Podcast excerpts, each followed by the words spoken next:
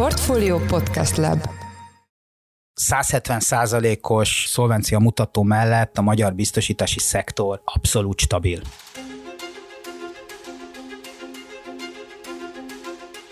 Mindenkit üdvözlünk, ez a Portfolio heti podcastje, én Palkó István vagyok, a Portfolio pénzügyi rovatának vezető elemzője. A mai műsorban arról lesz szó, mi újság a biztosítási piacon. A téma már csak azért is aktuális, mert március 8-án lesz a Portfolio biztosítás 2023 konferenciája, amelyre már kedvezményes áron jelentkezhetnek az érdeklődők. A témával kapcsolatban itt van velünk a stúdióban Kuruc Péter, az EY biztosítás piaci szakértője. Szia Péter! Szerbusz István, üdvözlöm a hallgatókat! Csapjunk is bele, nagyon bonyolult mostanában a magyar biztosítási szektornak a helyzete, ezt különböző cikkeink bizonyítják az utóbbi hetekből, ezért az egyszerűség kedvéért ne innen induljunk, hanem a nemzetközi helyzettel kezdjük a beszélgetést. Mit tartasz jelenleg a három legfontosabb sztorinak, történésnek, jelenségnek vagy folyamatnak a világ, illetve Európa biztosítási szektorában? Bevallom őszintén bajban vagyok, mert a, a sztoriról nekem valami pozitív dolog jut eszembe, és ha, ha ránézek most a, a biztosítók és a biztosítási piacok világára, akkor nem nagyon látszik olyan, aminek úgy örülni lehetne. Nyilván a digitalizációban van előrelépés, meg, meg lehet mondani olyan tételeket, amik, amik jellemzően minden szektort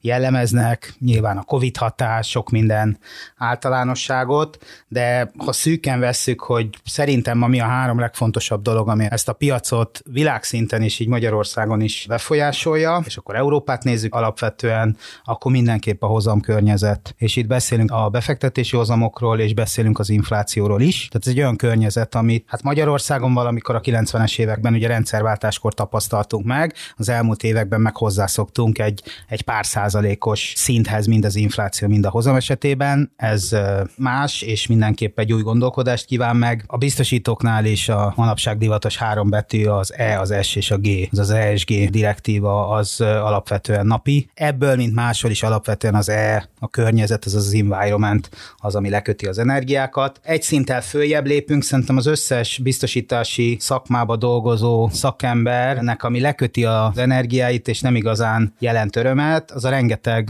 hívjuk kötelező gyakorlatnak, tehát az ESG-n kívül még rengeteg jogszabály az, ami befolyásolja akár a napi, de mindenképp a hosszú távú működést. A biztosítás szektor az IFRS 17-tel az idei évben indul, és ezzel igazándiból a, a nem szeretem, legalábbis én azért sorom a nem szeretem kategóriába, mert ezeknek a, a jogszabályoknak az ügyfélre minimális a hatása, elhanyagolható. Tehát ettől nekik jellemzően nem lesz jobb. Hogyha jobb lesz, akkor az egy nagyon érintőleges, nagyon közvetett eh, hatás, viszont ez nagyon sok kapacitást köt le. A szakemberek és a biztosítókba dolgozó kollégákra is gondolok, és hát aminélkül pedig ma nem lehet előrelépni, nagyon sok IT kapacitást köt le. Így egyfajta gát abban, hogy, hogy a biztosítók még többet tudjanak az ügyfelekre koncentrálni és előrelépni. Hát most, hogyha ezeket a témákat kezdenénk el részletesen boncolgatni, akkor szerintem sokan elnavigálnának innen podcast podcastról, úgyhogy szerintem inkább beszéljünk arról, ami magukat az ügyfeleket húsba vágóan érdekli, meg érinti. Ez a, az infláció, ami ugye nyilván a biztosítási szektoron keresztül is hat,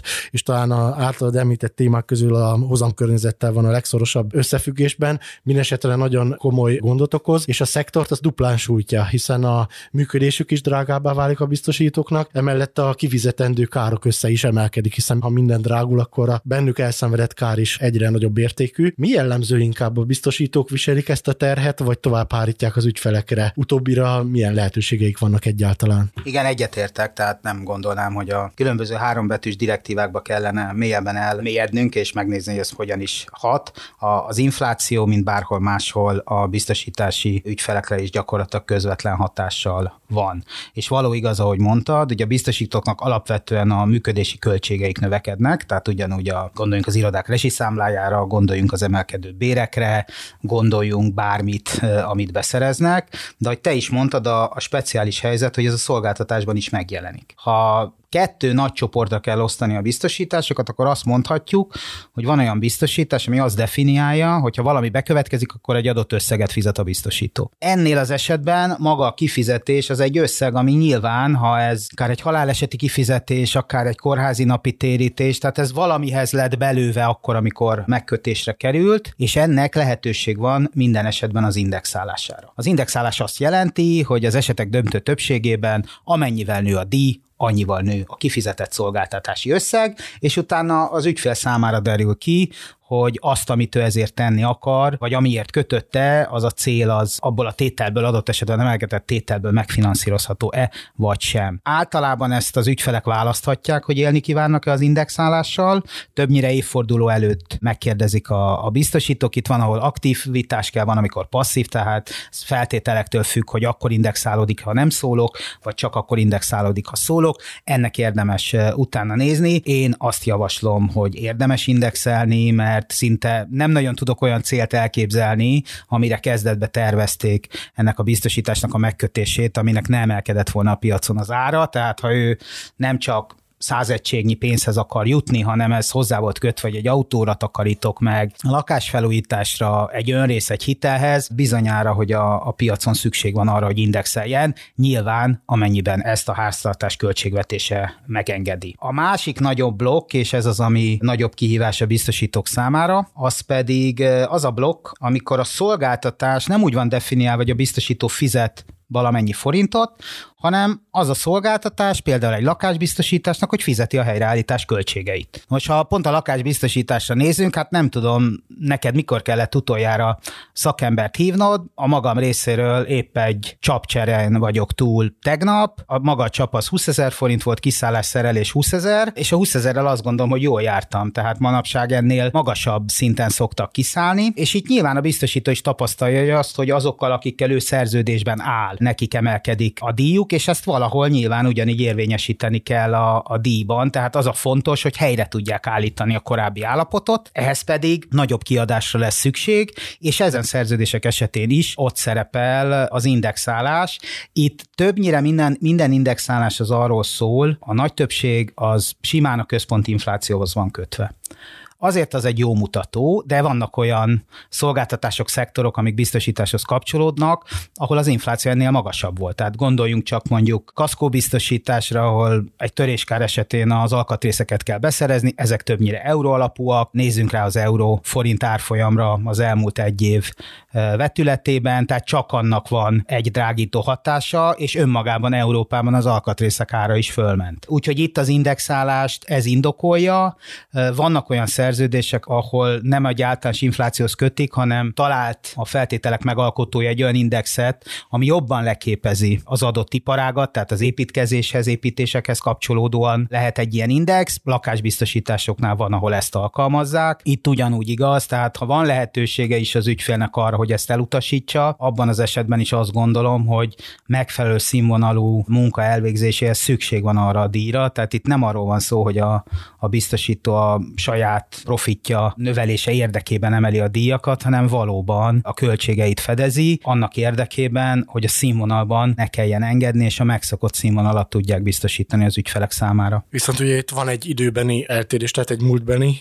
inflációt követnek a biztosítók az indexálással, ráadásul a saját káraik, szolgáltatásaiknak a költség az sokszor jobban emelkedik, mint az általános fogyasztói árindex, úgyhogy itt ez egy ilyen eredmény szempontból, vagy jövedelmezőség szempontból is egy ilyen kritikus időszak már csak emiatt is. Igen, igen, tehát ezek nyilván nem teljesen paralel jelentkeznek, de azt gondolom, hogy ez a, azért a biztosítási szektor mérete stabilitása ezt a csúszást hívjuk így, vagy ezt az időbeni eltérést ezt tudja kompenzálni, tehát ez nem okoz gondot. Említetted az ESG-t, amivel kapcsolatban egy EU-s direktívának is meg kell felelniük a biztosítóknak, viszont ez talán kevésbé izgalmas, az izgalmasabb, hogy a klímaváltozáshoz, mint olyanhoz a biztosítók most hogyan állnak. Inkább üzleti lehetőség, hiszen minél több a kockázat, annál nagyobb az üzlet a biztosító biztosítóknál, vagy pedig egy olyan fenyegetés, ami kockázatkezeléssel, amit a biztosítók hagyományosan végeznek, azzal sem kezelhető, mert sokkal nagyobb kiugrások és szélsőséges esetek vannak esetleg benne. Lásd tavalyi év aszálykárait, amelyek több mint 40 milliárd forintra rúgtak. Gyakorlatilag ugye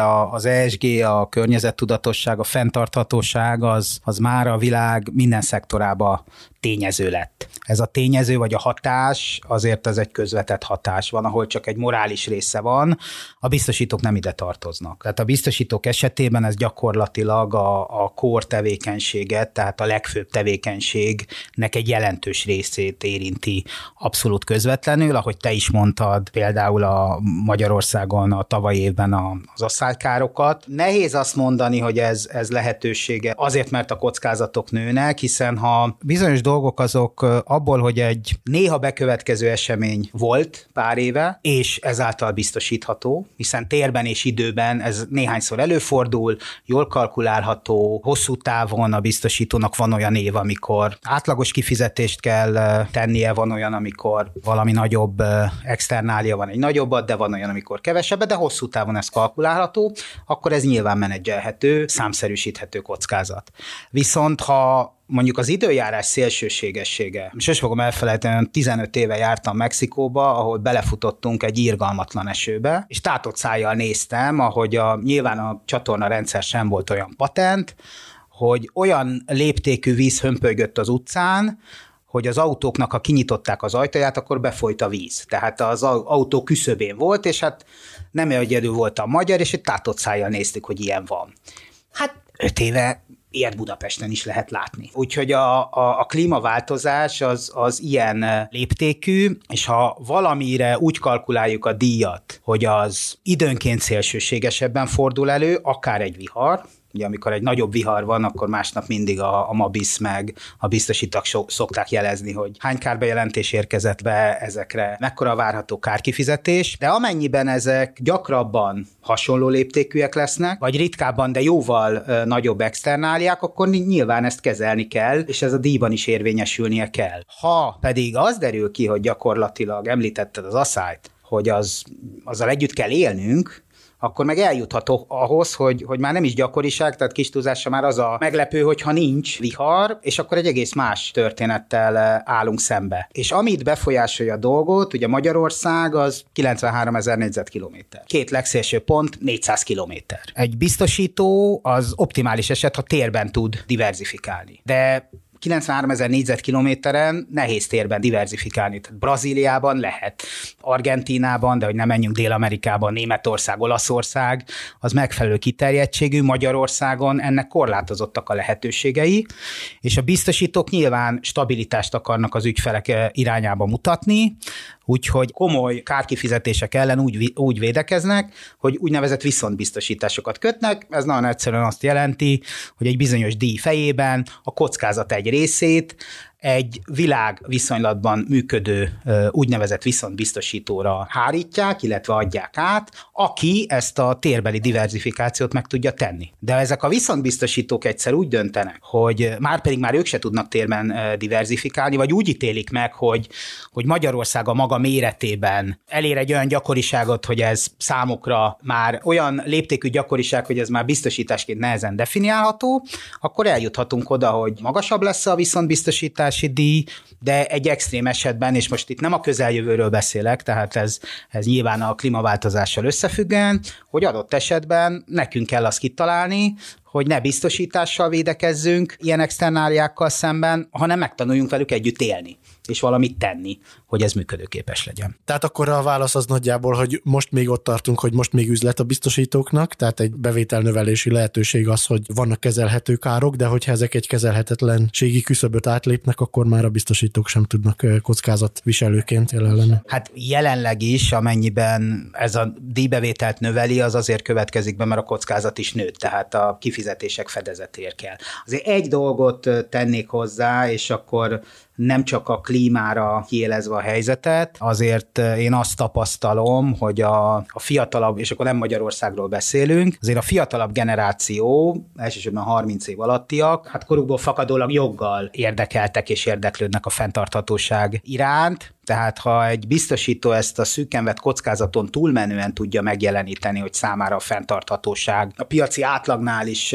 fontosabb, akkor azt gondolom, hogy ezek a fiatalok, akik amúgy is nehezen kötnek biztosítást, tehát számukra ez egy ilyen old school story, de ezzel adott esetben megfoghatók, úgyhogy ilyen szempontból a fenntarthatósági téma előtérbe helyezése, az azt gondolom, hogy így akár üzleti lehetőség lehet egy adott generációra, szegmensre kihegyezve. Igen, nézzük most a keményebb diót. Ugye eddig nem magyar specifikus dolgokról beszélgettünk, most viszont térjünk át Magyarországra. Nagyon sok érdekes folyamat van. Az egyik, ami már mintha a kormányzati beavatkozás nélkül is megkezdődött volna, és talán a hozamkörnyezettel van összefüggésben, de azért megkérdeznélek erről. Ez a 170%-ra csökkenő szolvencia mutató. Ugye a bankoknak is van tőke megfelelési előírásuk, meg a biztosítóknak is. A biztosítók esetében ez úgy 100% nemzetközileg, de az MNB felügyeletileg 150%-ot vár el. Most egyszerűen fogalmazva a biztonság kedvéért. Ez csökkent több mint 50% ponttal az elmúlt egy évben 170%-ra, tehát közel értünk már ahhoz a szinthez, amit az MNB minimálisan elvár, és az átlag mögött nyilván vannak olyan biztosítók, ahol már elbeszélgetés alatt vannak az MNB-vel, hogy akkor miként erősítsék meg a tőkehelyzetüket. És ez akkor következett be, amikor még szinte nem is volt különadó emelés és hasonló a magyar biztosítási piacon, tehát már romlik a tőkehelyzet. Ez mivel magyarázható, és most ennek mi lehet a következménye? Először is azt gondolom, hogy ez fontos, hogy elhangozzon, hogy 170 százalékos szolvencia mutató mellett a magyar biztosítási szektor abszolút stabil. Persze a 220 több, mint a 170, de hogy te is említetted, ez gyakorlatilag azt mutatja, hogy az adott biztosítónak rendelkezésre állnak-e azok a források, amire középtávon a kötelezettségeinek eleget tehet. Ha ez 100 százalék, akkor azt mutatja, hogy ez megfelelő. Az MNB-nek, ahogy te is említetted, hivatalosan az ajánlása az, hogy ez legyen 150 százalék. Ez pont azért van, hogyha valami bekövetkezik a piacon, ami erre hatással van, akkor legyen egy biztonsági margin, ami nem azonnal esik. Tehát nyilván valaki 100%-on tartaná, senki nincs, aki a magyar piacon ezt tenni, akkor egy pici kilengése azonnal ez lejjebb kerülne. Úgyhogy először is fontos azt elmondani, hogy ez a 170% ez még mindig stabil, MNB 150, a nemzetközi biztosítási csoportokhoz tartozó biztosítóknál is általában egy 100 fölötti célérték van meghatározva, pontosan ugyanazért, amiért az MNB is ezt, és ez egy teljesen észszerű dolog, hogy egy magasabb szintet vár el. Mert hogy olyan időszakban, amikor némi turbulencia tapasztalható, akkor nyilvánvalóan ez elkezdett csökkenni, mint ahogy ezt tette is. Ugye, ahogy mondtam, ez több tényezőből áll össze. Alapvetően a várható kötelezettségek kifizetése befolyásolja, és hogy te is említetted, igen, a legnagyobb hatással a kötvénypiaci hozamok emelkedése volt erre, hiszen a biztosítás egy hosszú távú biznisz, és négy-öt éve pár százalékos hozamkörnyezet mellett, ugye az a racionális döntés, hogy én a kötelezettségeimet és a forrásaimat összerendelem, tehát egy asset liability összerendelést igyekszem létrehozni, és miután a biztosító hosszú távon gondolkozik, gondoljunk csak egy nyugdíjbiztosításra, de gondoljunk akár egy hosszú kifutású kötelező tartalékra, az hosszú távon fektette be.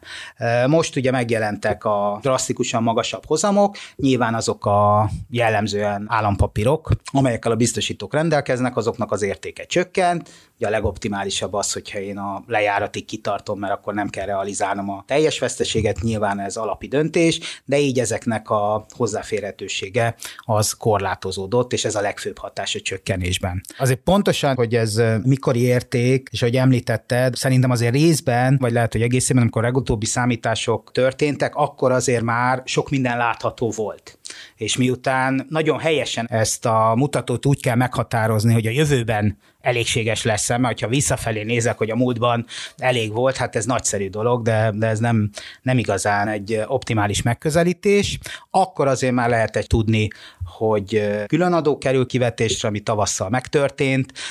Ez gyakorlatilag egy extra költségként tervezték a biztosítók, láthatóvá válhattak már a kárkifizetések, amik szintén ugye a többletkifizetést eredményez, és ezek összessége az, ami eredményezte azt, hogy jelenleg a, a szektor mutatója 170 százalék. Ez különbözőképpen jelentkezik, tehát ez ugye egy összszektori érték, még csak nem is átlag érték, hanem a teljes szektornak a, a mutatója, tehát nyilván vannak olyan biztosítók, akiknél ennél kedvezőbb, ennél nem kedvezőbb a helyzet. Itt az a fontos, hogy a biztosítók is ezt teszik is, ezt tudják monitorozni, és szükség esetén beavatkozzanak. Nyilván a legegyszerűbb megoldás az a forrásnövelés lehet, ez például egy tőkemelés, én úgy tudom, hogy Magyarországon már volt olyan biztosító, aki biztosra menve tőkét emelt, más lehetőségek is vannak, hosszú távon ez egy alapvető megoldás, és nyilván, hogy te is említetted, van az a pont, ahol pedig, és ez megint csak azt erősíti, hogy az ügyfelek nyugodtak lehetnek a biztosítói szektor stabilitására vonatkozóan, amikor a felügyelet is helyreállítási terveket ír elé ahhoz, hogy a,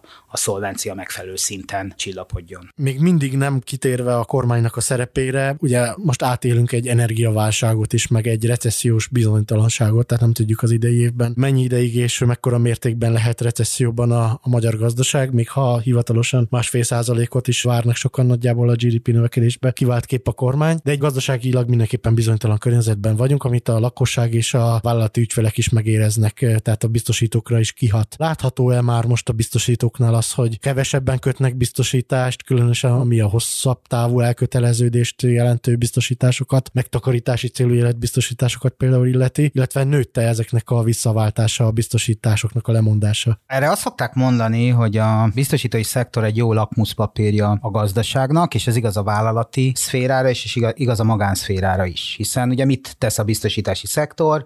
Vagyontárgyat biztosít. Ez az egyik fő tevékenysége, és ha vannak beruházások, ha nő az ingatlanok értéke, ha új ingatlanok épülnek, ami nyilván egy pozitív gazdasági trendet mutat, akkor ez a biztosítóknak is jó, ha vagyonosabbak az ügyfelek tudnak megtakarítani. Tehát mindenképp így elég jól leköveti, nem egy túl nagy átfutási idővel a gazdaság helyzetét. Sajnos nem vagyunk elkényeztetve statisztikákkal a biztosítói szektorra, tehát ugye a Mabis évente mutat egy statisztikát, annak is a tételszáma és a részletezettsége szűkebb, mint pár éve volt, a, az MNB-től meg gyakorlatilag piaci adatok látszódnak, ami a szektorra vonatkozik, és amit a portfólió is szokott elemezni nagyon helyesen, a, amikor megjelennek a lakossági megtakarítások, amiben szintén egy, egy külön tétel a biztosítás. Úgyhogy én inkább az elmúlt időszakra és az átélt időszakra tudok konkrétumokat, és azt tudom megítélni, hogy ezek közül melyek azok, amik most jellemzőek-e vagy sem. Ugye a családok gazdasági helyzete az romolhat, biztos vannak olyan rétegek, ahol komoly kihívás annak a kiadás szerkezetnek a tartása, amit megszokhattak mondjuk egy éve. Viszont ha én visszatekintek az elmúlt húsz év évre, amikor tényleg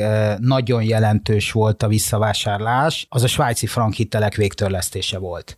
Tehát az az utolsó esemény, amire tényleg azt tudom mondani, hogy, hogy az a szektor tényleg láthatóan számszakilag egy adott negyed évben, amikor ez elindult, nyilván ez ugye tartott, de hát nyilván akinek megvoltak a megtakarítása, ez minél előbb élt vele, hiszen minden hónappal megtakarította, hogy az 170-es árfolyamon tette meg, és nem az aktuálison. Azóta azért voltak, ha nem is akkora olyan nehéz helyzetek, mint amit most tapasztalunk, de azért a biztosítások mindig a, a sorban a, a vége felé vannak. Tehát ha el is jutnak családok oda, hogy hozzá kell nyúlni a megtakarítási megtakarítási biztosításukhoz, ez biztos, hogy nem az elsők között van. Úgyhogy itt jelenleg azt gondolom, hogy eddig nem hiszem, hogy, hogy jelentős kiáramlás volt. A, a jövő az, az, az tényleg az a kérdés, hogy meddig tart a szűkös időszak, és szándékosan, hogy legyünk optimisták, nem azt mondom, hogy szűkös esztendők, hát legyünk optimisták, hogy azért ez nem lesz egy olyan hosszú időszak. Egyébként pedig ellentétes hatások vannak. Tehát azt is szokták mondani, hogy ezek az időszakok, és ez, ez tényszerűen meg is szokott jelenni, ezek az időszakok azok, azok, amikor az ügyfelek rádöbbennek arra, hogy ilyenkor kéne, hogy legyen valami, amihez hozzá tudok nyúlni.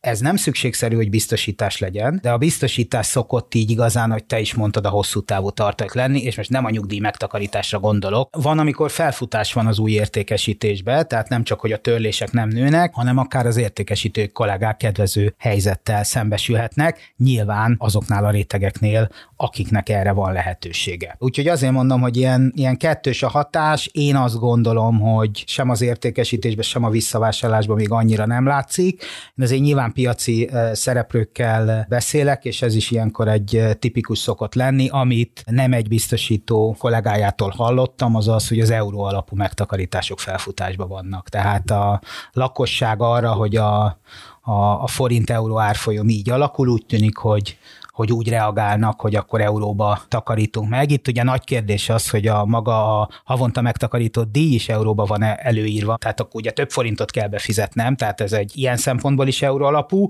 vagy csak a forint átváltásra kerül, és onnantól kizárólag euróban kerül nyilvántartásra.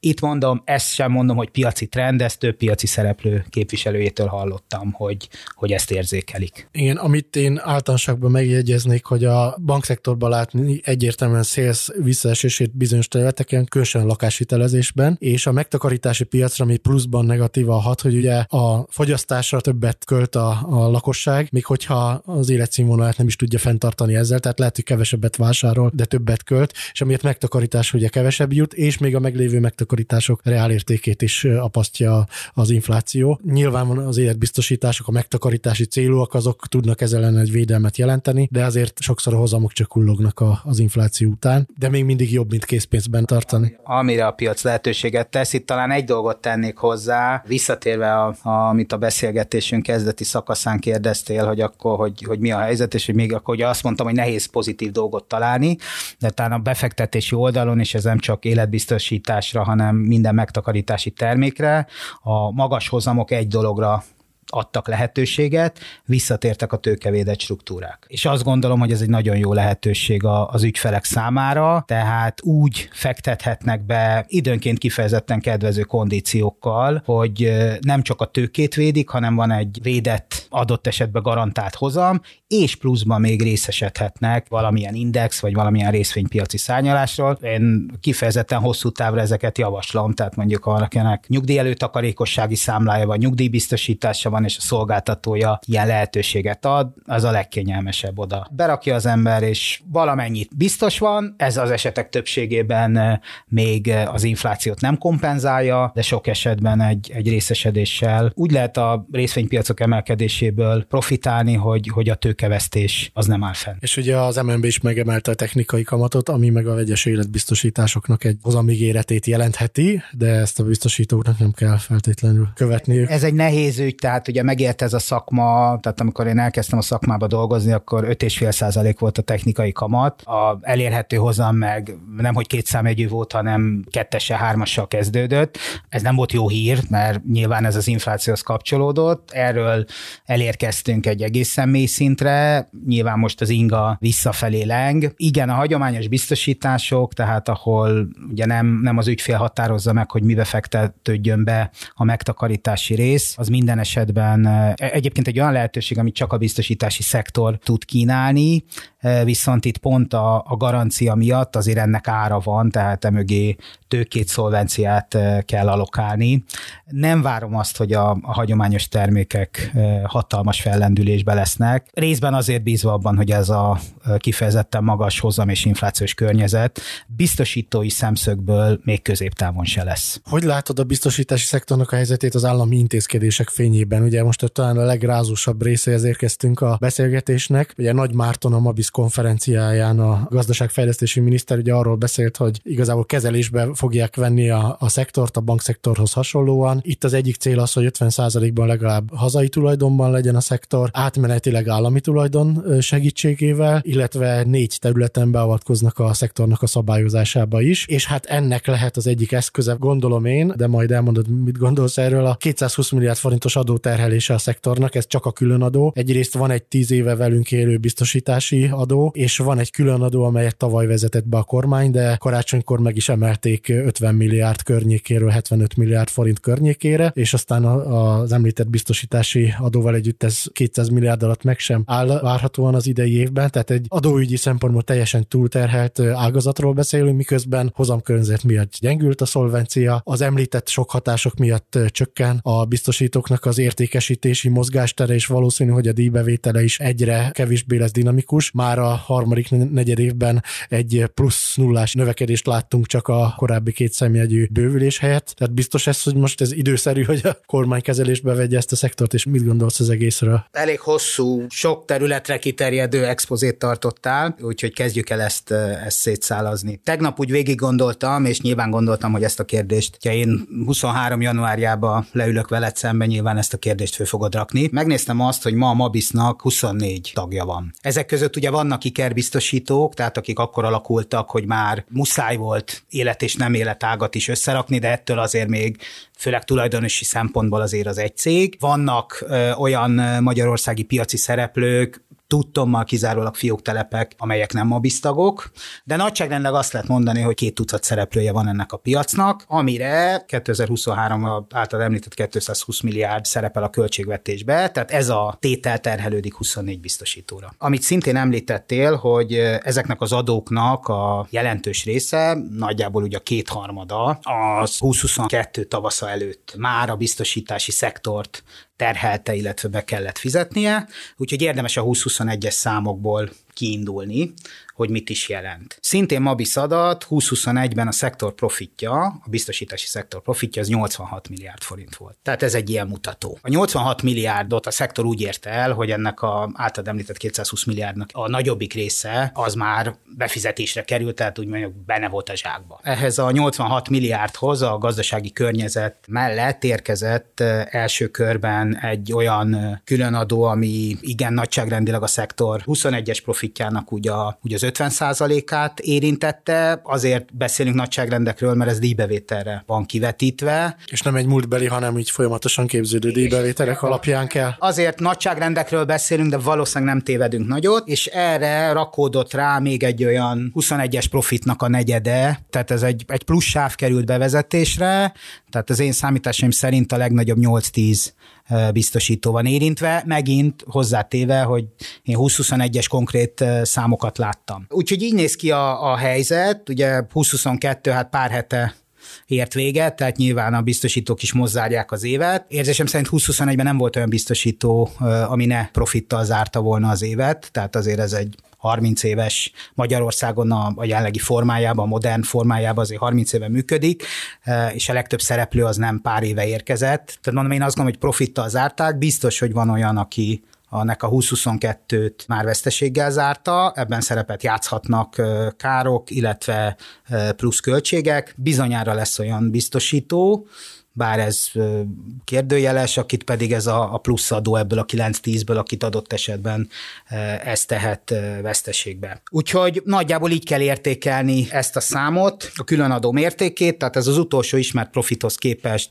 egy jelentős tétel, és alapvetően egy, egy olyan szektort érinti, akire nem mondanám azt, hogy ne kezelni az eszközeit hatékonyan, tehát akkor a tételt a költségekből egész biztos nem alig, ha lehet kigazdálkodni. A másik, amit mondtál, hogy a, a Mabis konferencián, bár ez előbb is elhangzott, de ott miniszter úr jelezte, hogy cél az 50%-os magyar tulajdon elérése. Én azt gondolom, hogy ugye sokféleképpen lehet piaci részesedést számolni, de azt lehet mondani, hogy díjbevétel arányosan nagyságrendileg a piac harmadában van valamilyen mértékű, vagy magyar, vagy közvetett, vagy közvetlen állami tulajdon, tehát itt tartunk most. Hát ugye akikre utalsz az Egon, illetve az Unión, akikben viszonylag frissen egy évvel ezelőtt szerzett 45%-os tulajdonrészt az állam, illetve a posta biztosító, amelybennek most a 67%-át vette meg a német Talanx csoporttól az állam, a másik egy harmada már eleve az övé volt, illetve hát ugye vannak olyan hazai szerep szereplők, akiknél lehet mondjuk egy kormány közeli befolyásról beszélni, de igazából azért az mondható el, hogy a rendszerváltás óta egy többségében, döntő többségében külföldi érdekeltség alatt álló szektorról beszélünk. Erre mondta azt a tavaly kinevezett miniszteri biztos Kovács Zsolt, hogy a profit 90%-a kimegy az országból, és ez nem egészséges a szektor szempontjából. Hogyha összesítjük, hogy mik a hazai tulajdon előnyei és hátrányai, akkor van abban valami, amit a kormány mond, hogy most már ugye bebetonozott know-how know rendelkezik a magyar biztosítási szektor. Nincs szükség arra, hogy ezért a borsos profitért itt maradjanak a külföldi biztosítók, tehát van abban valami, hogy most a hazai tulajdont érdemes erősíteni? Szerintem nézzük meg azt, hogy mi egy külföldi tulajdonos előny hátrány, milyen előnye van annak, hogy ez hazai tulajdonban van. Elsősorban külföldi tulajdonú biztosítókban dolgoztam, tehát arról van tapasztalatom. Ami ott mindenképp előnyként mondható el, az az, hogy azért hoznak egy know-how-t. Illetve tartozol egy családhoz, ahol a különböző területek időről időre találkoznak, eszmét cserélnek, részletesebben látják egymás számait, úgyhogy az alapján érdeklődhetnek arról, hogy ezen a területen egy másik országba hogy jutott el oda, mit tett ezért, ami egy fontos tényező. Ez azért egy oda-vissza, tehát szerencsére volt olyan eset, amikor, amikor hozzám érkezett másik országból egy vezető kollega, mert Magyarországon csináltunk valamit úgy, hogy, hogy a szemet szúrt valamelyik országnak, és nem szükségszerűen a, a régióban, nyilván a régióban azért nagyobb az együttműködés, de ez akár érinthet más céget is. Tehát ez szerintem óhatatlan, hogy, hogy azért van egy know-how, és itt nem feltétlen termékstruktúrák, tehát ez lehet egy, egy értékesítési folyamat, ez, ez sok mindenből tevődhet össze. A másik, ami, ami szintén tényszerű, hogy lehet egy méretgazdaságossági előny, tehát bizonyos IT rendszereket lehet adott esetben csoportszinten működtetni, ami ahhoz vezet, hogy nekem nem kell száz százalékba saját magamnak fenntartani bármilyen IT alkalmazást, hanem azzal osztozhatok csoport minden tagjával vagy részeivel. A harmadik ilyen lehetőség az pedig, hogy akár közvetlen üzleti előnyi származhat ebből. Tehát a régióban erre konkrét példa volt, egy Magyarországon is működő bank, az regionálisan több országra kiterjedően hirdetett tendert, hogy ő exkluzív biztosítói partnert keres együttműködésre, amire indultak azok a biztosítók, akik a minden érintett országban szerepeltek, mert hát gyakorlatilag ugye ezen a versenyen, ezen a lehetőségen ők mérhették össze igazán az ereiket, ebből valaki befutott, de nem csak erre kell gondolni, hanem lehet arra is, hogy jellemzően nemzetközi cégek a nagy vagyonbiztosításaik biztosítására megbíznak egy alkuszt, az alkusz az jellemzően szeret egy céggel együttműködni, aki minden országban van. Úgyhogy ezért mondom, hogy akár közvetlen előnyökkel is járhat ez a történet. És ennek fényében mi járhat cserébe, tehát ugye semmi sincs ingyen. Egy külföldi tulajdonosnak ugye van egy saját stratégiája, ami korlátozhatja a különböző országokban működő leányvállalatot, így természetesen a magyart is. Ez lehet, hogy a kockázati étvágya az felülről korlátos, tehát bizonyos termékeket nem engedi, hogy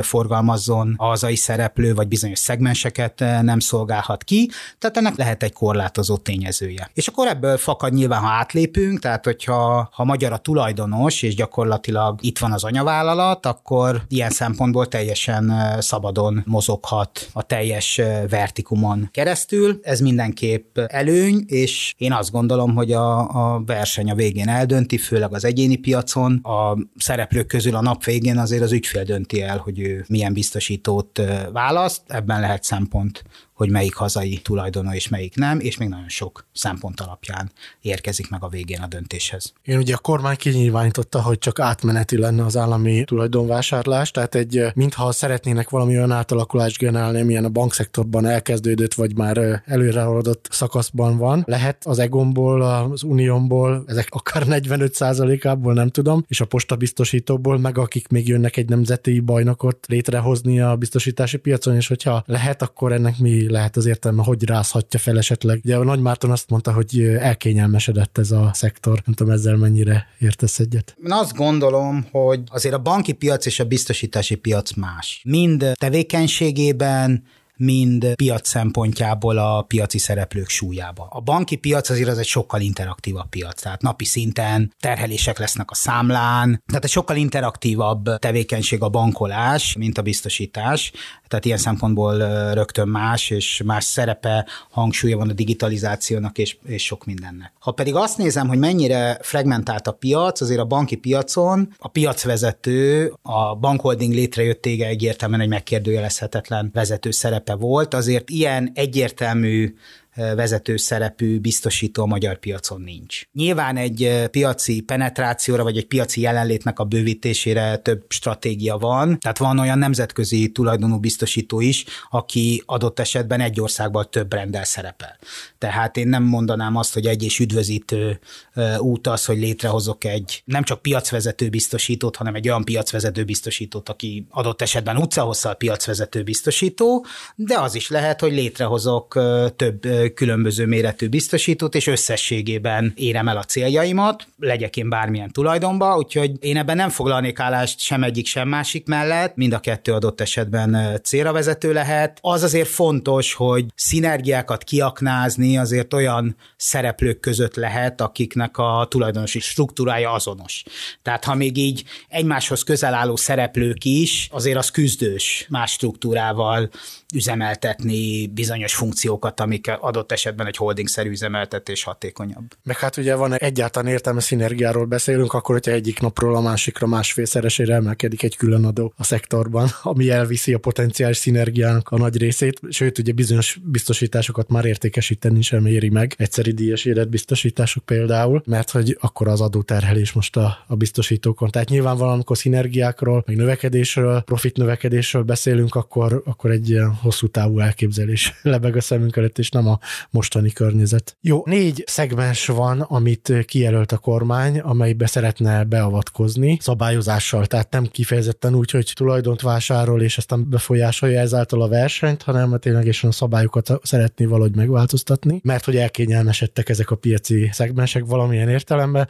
A lakásbiztosításokat említették, mint a legsürgősebb teendő, az öngondoskodási piacot, ahova ugye az életbiztosítások tartoznak, de mondjuk a nyugdíjpénztárakat és egyéb adókedvezményes lehetőségeket is ide sorolhatjuk. Az egészségbiztosítások, ahol mindig nagy kérdés, hogy most a magánegészségügy és a állami egészségügy viszonya hol van, és ebben miként vesz szerepet finanszírozóként a biztosítási szektor, és aztán ott van az agrárbiztosítási szektor, vagy terület, ahol pedig említett asszálykárok és sok minden más masszív állami szerepvállalást indokolhat. Hogy látod ezeket az egyes szektorokat? Hosszan lehetne mindegyikről egyenként beszélni, de talán dióhéjban összetudnád ezeket foglalni, hogy hol mi lehet a következő negyedévek, éveknek a, a sztoria. Kezdjük a lakásbiztosítással. A, a lakásbiztosítás, ennek is így utána néztem, néhány éve az MNB létrehozta azt a kategóriát, hogy minősített fogyasztóbarát otthonbiztosítás. És miután a szektor így nehezen mondja ki minden alkalommal hosszan, ezt az egyszerűség MFO néven fut, tehát újabb három betű, ami foglalt legalábbis Magyarországon. Erre pályázni kell, tehát minden biztosító elkészíti ezt a terméket. Nyilván le van írva, hogy milyen jellemzők kell, hogy ez a termék bírjon, és aztán pedig a, az MNB eldönti, hogy az ő véleménye szerint a, az adott termék, amivel a, amit a biztosító benyújtott, megfelele ezeknek a kondícióknak vagy sem. No, az első ilyen engedély az, az 2020 március 5-én került megadásra, azóta egyre több biztosító az, aki rendelkezik ilyen termékkel, viszont az is tényszerű, és akkor akkor maradjunk a, a számoknál, tényeknél, és ez is minden alkalommal, amikor az MNB-nek valamilyen képviselői előadást tart valamilyen szakmai fórumon, akkor jelzi, hogy hát ennek a, a terméknek a térhódítása az nem az ő elképzelései szerint alakult, tehát a néhány tízezres portfólió az, ami felépült ez alatt az időszak alatt. Mondom, összességében három év, de fokozatosan léptek be a piaci szereplők, tehát nem mondanám azt, hogy akkor három éve mindenki, ez egy fokozatos felépülés, de tény, hogy, hogy ez a portfólió mérete jelenleg azért még relatív alacsony. Adódik a kérdés, hogy ezen az úton halad-e tovább a szabályozó és a, és a kormányzat adott esetben vagy választ egy másik utat, hogy elérje a céljait, és ezen a piaci szegmensben nagyobb versenyhelyzetet teremtsen. Mert hogy bocsánat, itt ugye az alacsony kárhányad az érdekes mutató, tehát hogy ahhoz képest, hogy mekkora díjat szednek be a biztosítók, viszonylag keveset szolgáltatnak. Tehát, hogyha az elkényelmesedést azt ezzel a mutatóval nézzük, akkor itt a legkevésbé élénk a verseny. Én itt azért utalnék arra, amiről beszéltünk a szélsőséges időjárásra. Ma már egy, és ami évente már egyszer kétszer előfordul, egy komoly vihar, azért az több milliárdos kifizetéssel jár, de amire meg felhívnám a figyelmet, akármilyen meglepő földrengés szempontjából európai viszonylatban egy érzékeny terület, tehát ezt nem gondolnánk. De ami ennél is jelentősebb, és jellemzően szeretünk elfeledkezni olyan dolgokról, ami már régen történt, az az árvíz. Azt szokták mondani, és ez leegyszerűsítése a képnek, hogy ha a Duna árad, akkor nincs olyan nagy baj, tehát ott azért egy komoly gátrendszer van, viszont ha a Tisza árad, akkor van baj. Az utolsó komoly Tisza áradás, ez 2010-ben volt.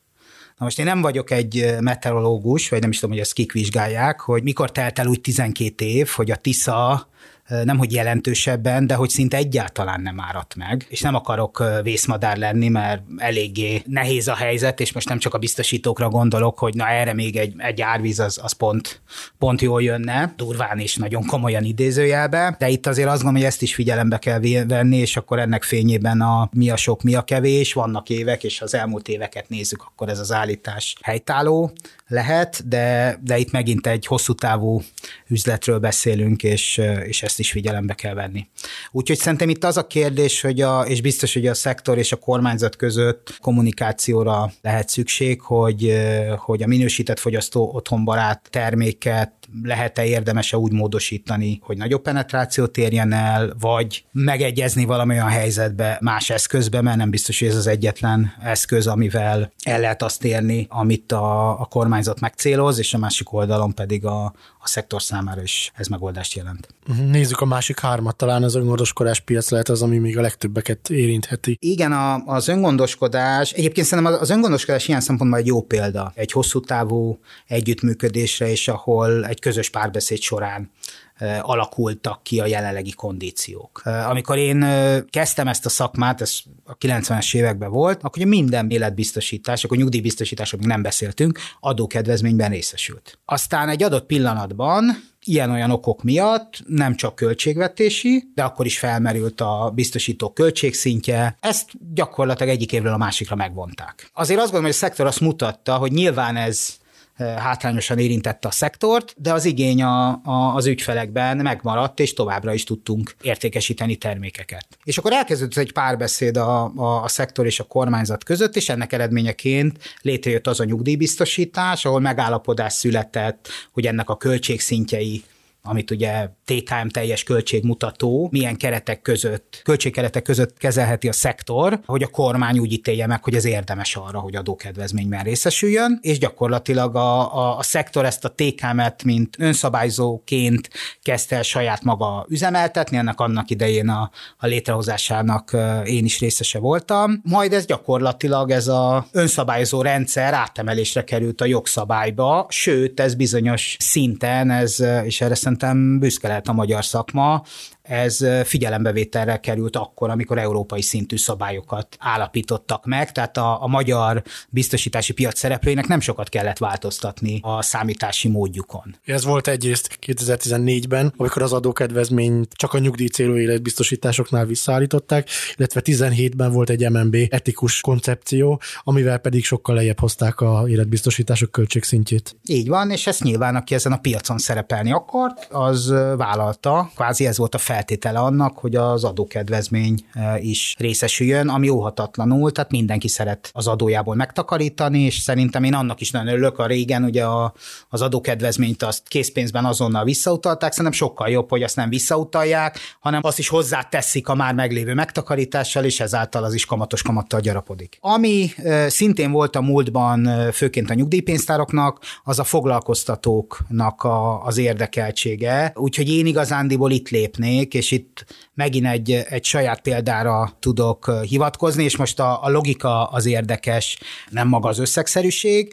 de nekem volt egy munkáltatóm, aki azt a szabályt hozta a nyugdíjpénztári hozzájárulás esetében, hogyha az alkalmazott befizette a bérének, a, ebben az esetben ez másfél százalék volt, ő ahhoz hozzátett hármat. Tehát kvázi ő is intenziválta, tehát egy ilyen típusú, tehát ne az legyen, mert az se biztos, hogy jó, hogy akármi van, a munkáltató fizet, hanem az tényleg érezze magáénak az ügyfél, és ha adott esetben munkáltatót vált, miután ő megszokta azt, hogy ezt fizeti, ha az a munkáltató, ne a Isten, nem is folytatja ezt a fizetést, de, de legalább ő fizesse. Úgyhogy ilyen szempontból nagyon jó, hogy nyugdíjra incentiválva vannak a, az alkalmazottak, hogy ki tudják egészíteni majd a nyugdíjukat. Én amit hiányolok ebben a rendszerben, az, az a munkáltatóknak a pozitív ösztönzése. Hát nagyon szépen köszönöm, Péter, hogy itt velünk voltál, és azért elég sok témát így a biztosítási szakmán belül sikerült végigbeszélnünk. Akiket részletesebben érdekelnek ezek a témák, azok március 8-án 20 a Portfólió Biztosítás 2023 konferenciáján sok szakértő szájából még alaposabb részleteiben hallgathatják meg ezeket a témákat, és hát a biztosítási piac aktuális helyzetértékelését. Ez volt a Portfólió heti podcastje, ha tetszett az adás, iratkozzatok fel a Portfólió podcast csatornájára, bármelyik nagyobb podcast platformon. A mai műsor elkészítésében részt vett gombkötő Emma, a szerkesztő pedig én, Palkó István voltam. A Portfólió heti podcast sorozatában új adással egy hét múlva jelentkezünk, addig is minden jót kívánunk, szia! Sziasztok! Reklám következik.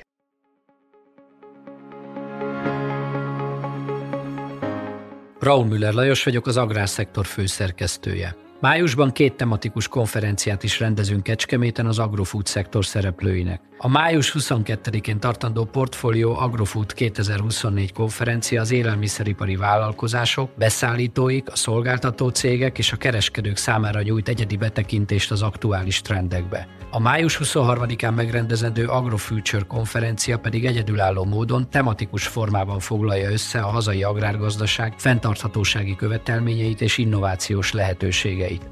Jöjjön elő is, részletek és jegyek a portfolio.hu per rendezvények oldalon.